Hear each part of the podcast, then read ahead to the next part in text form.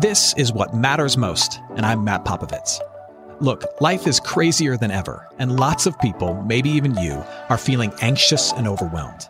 Today's message is designed to help you figure out what's most important and to experience the peace and joy that God intends for you. Because life is a gift, and it shouldn't be wasted on worry. I'd like to give you a resource, something to help you navigate the road ahead. Just go to mattpopovits.com, click on the icon, and we'll send it to you. That's Matt, P-O-P-O-V-I-T-S dot com. And hey, if you happen to live in the Houston area, I'd love to see you on a Sunday morning at St. Mark in Spring Branch. Head to stmarkhouston.org to plan your visit. Here's today's message. Thanks for listening.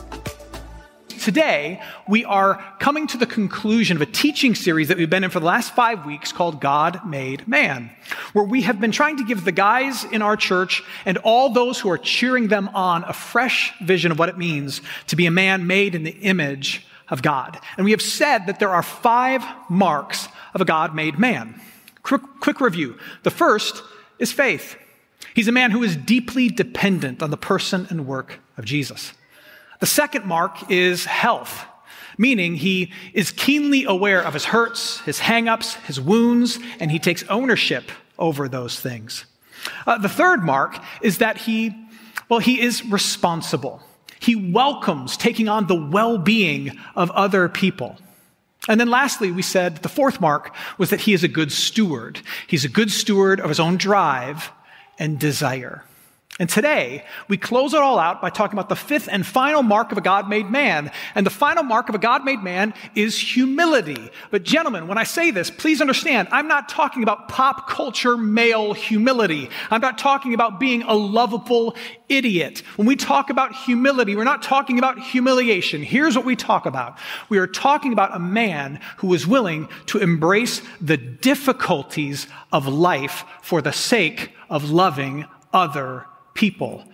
A humble man who is not above embracing the hardships of life for the sake of loving others. You could put it like this A God made man is a man who understands that life carries a curse and that the good things in life come at a cost. He's a man who's probably familiar with Genesis chapter 3. Genesis chapter 3, all of humanity dives headlong into sin, rebelling against God, and there are consequences. In fact, there is a literal curse that comes from God onto humanity, and specifically onto the guys in humanity. And the curse can be summarized in just one verse. Genesis chapter 3, verse 19 says this. This is God speaking to Adam and to Adam to all of mankind. He says this, by the sweat of your face you shall eat bread till you return to the ground. And you might be thinking, well, that doesn't apply to me. I'm gluten free. I'm not a big bread fan. Bread stands for all the good things, the necessary things that you want in life. God's word to Adam is this. All the good things you want in life are now going to come on the other side of things you'd rather avoid. The things you the things you want, the things you need, the things you desire, they're, they're going to have to be fought for. They're going to have to be uh, worked for. You're going to have to grind. You're going to have to go get those things. And in the end, even after that, you're still going to die. life carries with it a curse, and the good things in life, they come at a cost. Life has hardship. And a sign, a mark of maturity, is a man's willingness to embrace that simple fact. The person I want to be, the things I need, the stuff I want is on the other side of difficulties that I am tempted to avoid. And so I am going to embrace those difficulties in order to have the things that I need and want to become the person that I know that I am supposed to be. Life carries a curse and the good things come at a cost. And a mature man understands that. Now, on the flip side, an immature man is always trying to get out from under that. He wants to, he wants to have the crop without bearing the curse. He wants to have the spoils without fighting the battle. And he's always worried about whether or not he's going to get his. And he's always trying to find a workaround, trying to find an easy way to the desired outcome. He complains a lot about fairness. Well, if it's going to be hard for me, is it going to be hard for them? Always trying to find somebody else to do the most difficult part, even as he enjoys all the blessings that come with it. At its core, it's laziness. An immature man is lazy. He wants the spoils, but doesn't have to fight, doesn't want to have to fight the battle. But even deeper than laziness, what it is, it's arrogance, it's pride, it's thinking that he is somehow above the difficulties of life, yet still deserving of all the good things in life. That's immaturity. But not a God made man. A God made man is humble. He knows he is no better than his ancestor Adam. Embracing the difficulties of life for the sake of others is the key to real love and lasting joy. And, and, don't take my word for it, listen to Jesus. You heard these words just a minute ago. I'm going to read them again to you from a different translation. John chapter 15, listen to what Jesus says, starting at verse 13. Jesus says, All these things that I have spoken to you, I have spoken them to you that my joy may be in you and that your joy may be full. Jesus wants you to have a life of joy. How?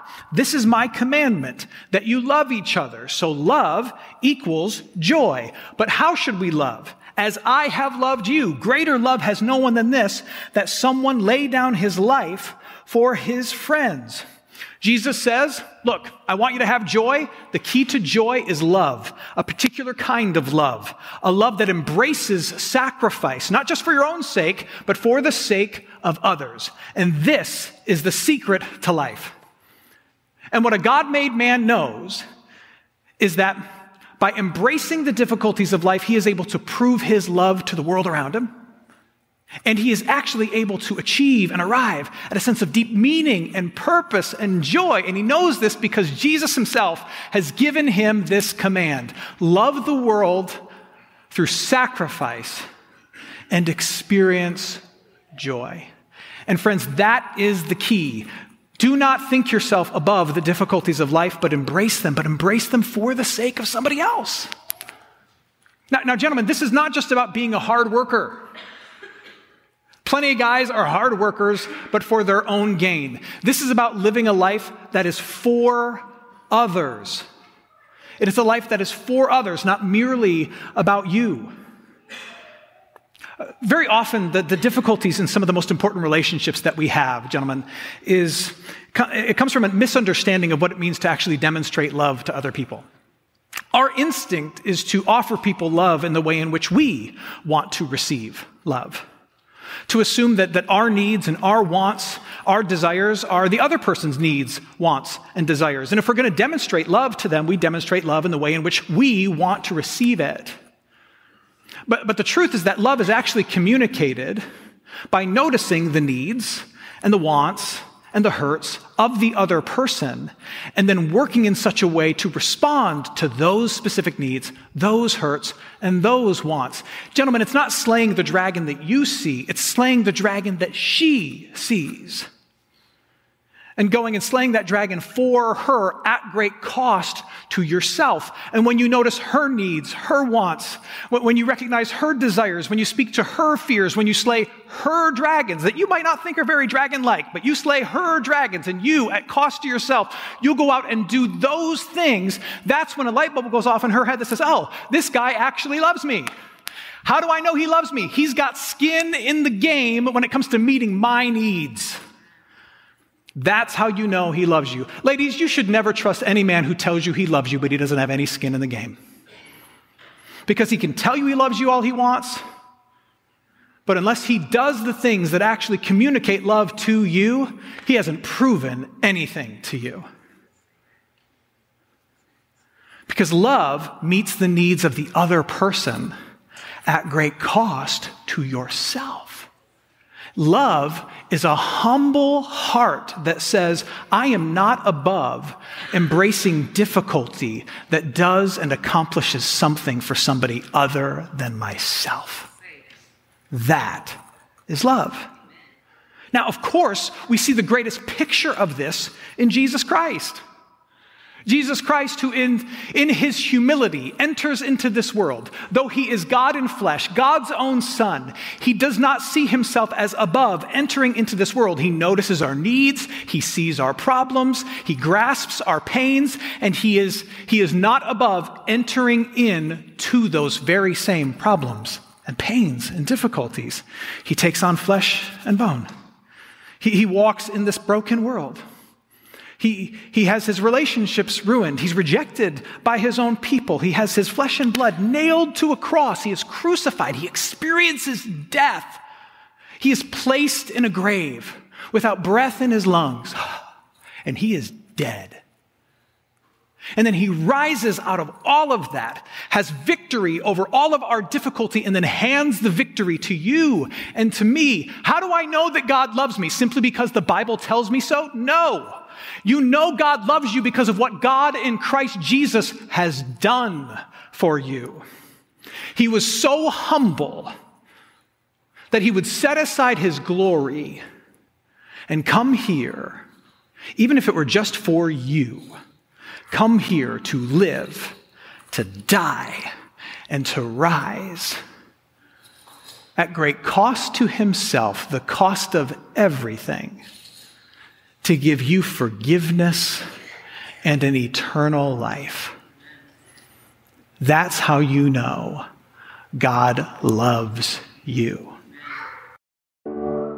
Hey, friends, it's me, Matt, and with me is Rachel. Hey, guys. And we're here to tell you about What Matters Weekly, a newsletter from MPM. Rachel, if they sign up for the newsletter, what do they get? Well, each week they'll get original content from you sent straight to their inbox, curated links from around the internet, and the latest on all things MPM, including episodes of this program, What Matters Most, as well as our podcast, Make It Simple. And here's how you sign up. Head to mattpopovits.com and click newsletter. That's Matt Popovits, M-A-T-T-P-O-P-O-V-I-T-S dot com and click newsletter. Yeah, and we'd love to stay connected with you every Friday with What Matters Weekly. Now, back to the show. But again, don't take my word for it. Listen to what the scriptures say. 1 John chapter 4. 1 John chapter 4, starting at verse 9. In this, the love of God was made manifest among us, that God sent his only Son into the world so that we might live through him. In this is love. This is what love is. Not that we have loved God, but that he loved us and sent his Son to be the sacrifice for our sins. In Jesus Christ, we not only have received such humble love, but we now know the shape. We know the image. And we are empowered, gentlemen, to offer that same kind of love. Now, I am not saying that this is easy a humble heart that says, I'm not above the difficulties of life, embracing them not just for my sake, but for the sake of other people, and in doing so, offering them and demonstrating, proving real love and experiencing deep joy. I am not telling you that that is easy. In fact, I'm telling you that it, it, it takes bravery. I'm telling you that it takes a, an audacious spirit that even wants to tackle such a calling. It, it takes, the best word is courage. It takes courage. In fact, that, that's the other thing that a God made man who is humble knows. He knows that he is stepping into a life where he has to choose courage over comfort on a daily basis. He has to choose courage over his own comfort in the pursuit of love and joy day after day after day. Uh, the best definition for courage that I've ever come across, uh, I found in uh, John F. Kennedy's 1956 book, Profiles in Courage.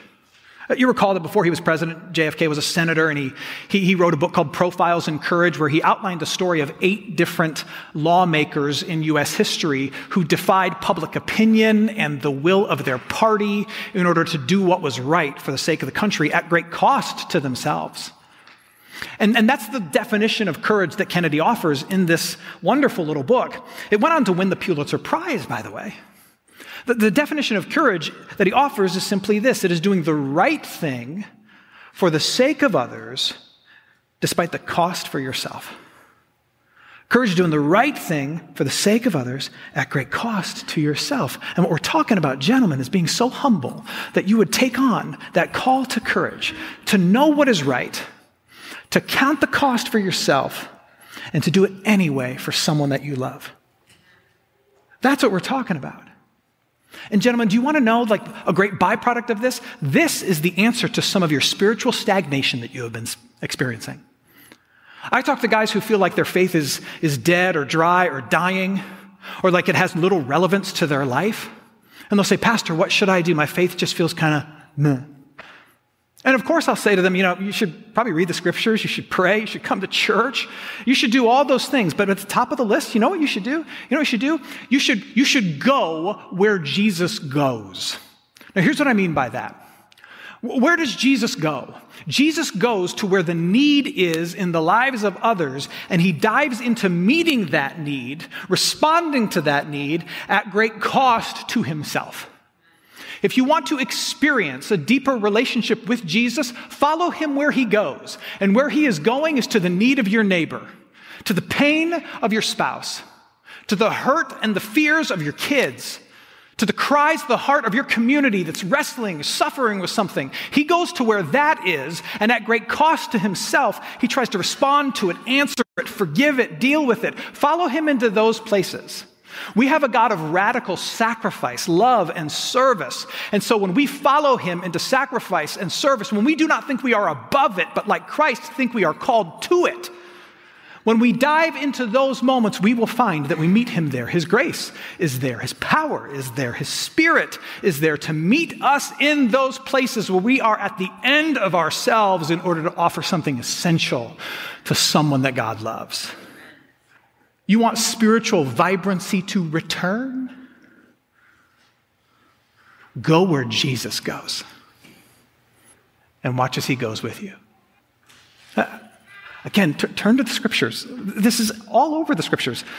Look at, look at Philippians. Philippians says this Philippians chapter 2 verses 3 through 4. It says, Do nothing from selfish ambition or conceit, but in humility count others more significant than yourselves. Let each of you look not only to his own interests, but also to the interests of others. He goes on to say, Have the same mind of Jesus Christ. Look not only to your own interests, but to the interests of others. And that leads me to my last point for today.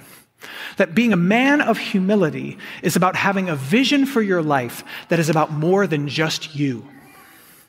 Throughout the last five weeks, we've talked a lot about vision, about, about the reason behind this series is to give guys a, a greater vision for what it means to be a man. But ultimately, the vision that you have for your life should not just be about you.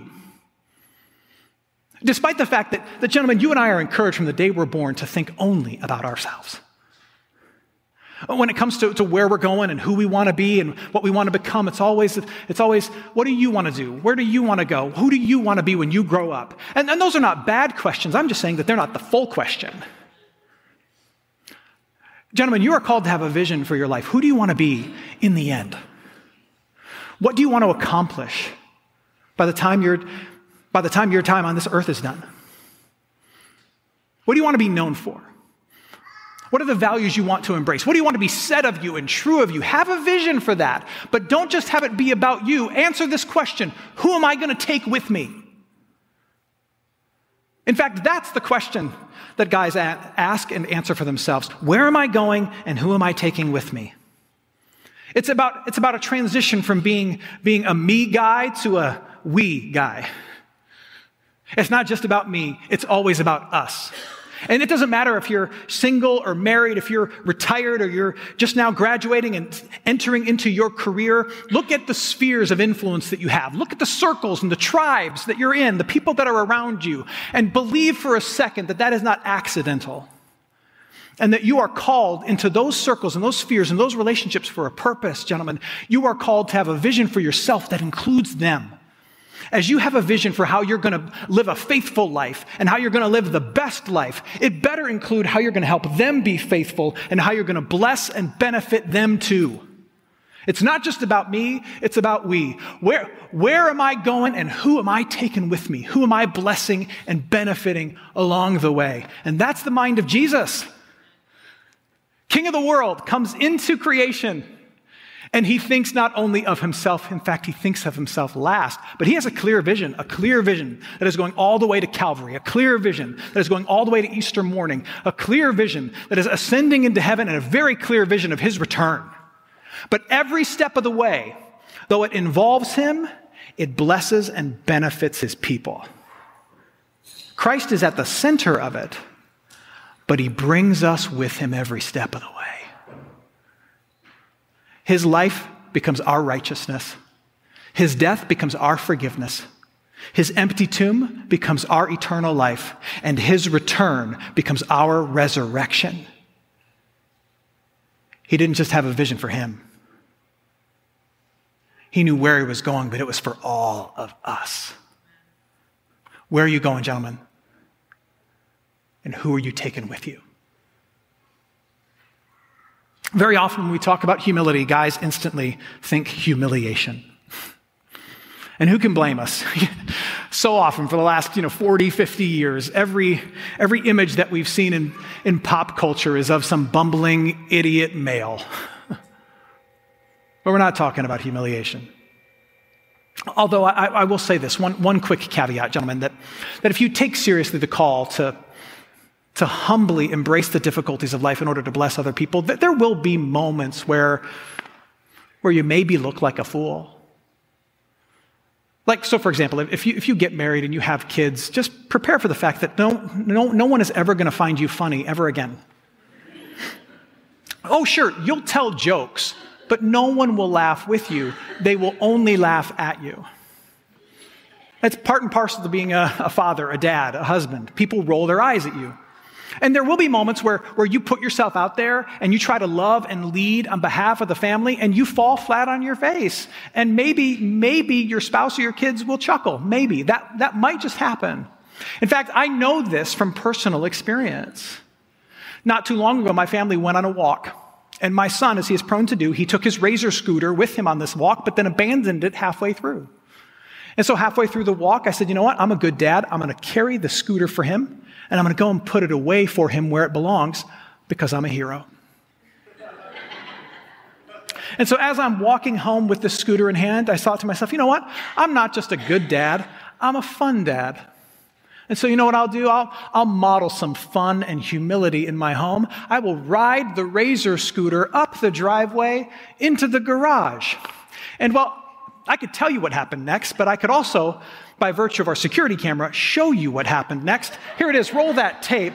Roll that tape. That's me. There I am. Now, now, now, what I want you to notice is my wife was a witness to this. It takes her a full 24 seconds to come and check on me. Watch this. I can fall one, two, three, or four times before my lovely wife of 21 years I feel like you guys are more concerned for my well being than my own family was. there are. Mu- my wife is just like, oh my gosh, you're such an idiot. Yeah. All right, you can take it off the screen now. Yeah. There, there, there are moments of humiliation, for sure. But, gentlemen, that's not what we're talking about when we talk about humility. It's really not. If you get anything from this sermon and from this series, guys, I, I hope it is this. You, you, you, are not, you are not above a life of service. In fact, a life of service and sacrifice is the most noble life that there is to live.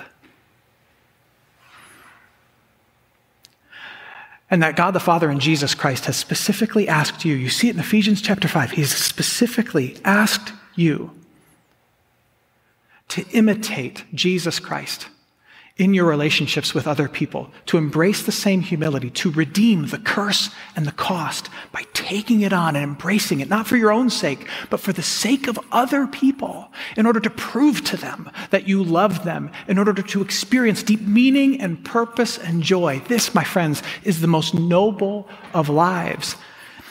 Is it, is it humbling? Yes. But it's an honor. And I pray that we will embrace it. Amen. Hey, it's Matt. I hope you enjoyed what matters most. Here's what I need you to know life is a gift, and it shouldn't be wasted on worry. I want to help you figure out what's most important and to experience the peace and joy that God intends for you. So, for more content, you can head to mattpopovits.com. That's Matt. There, you can also support this ministry as well as access your free resource, a little something to help you navigate the road ahead. I'd also love to see you on a Sunday morning. If you're in the Houston area, head to stmarkhouston.org to plan your visit.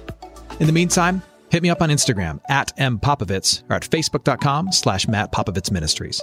Thanks for listening. Now go and hold tight to what matters most.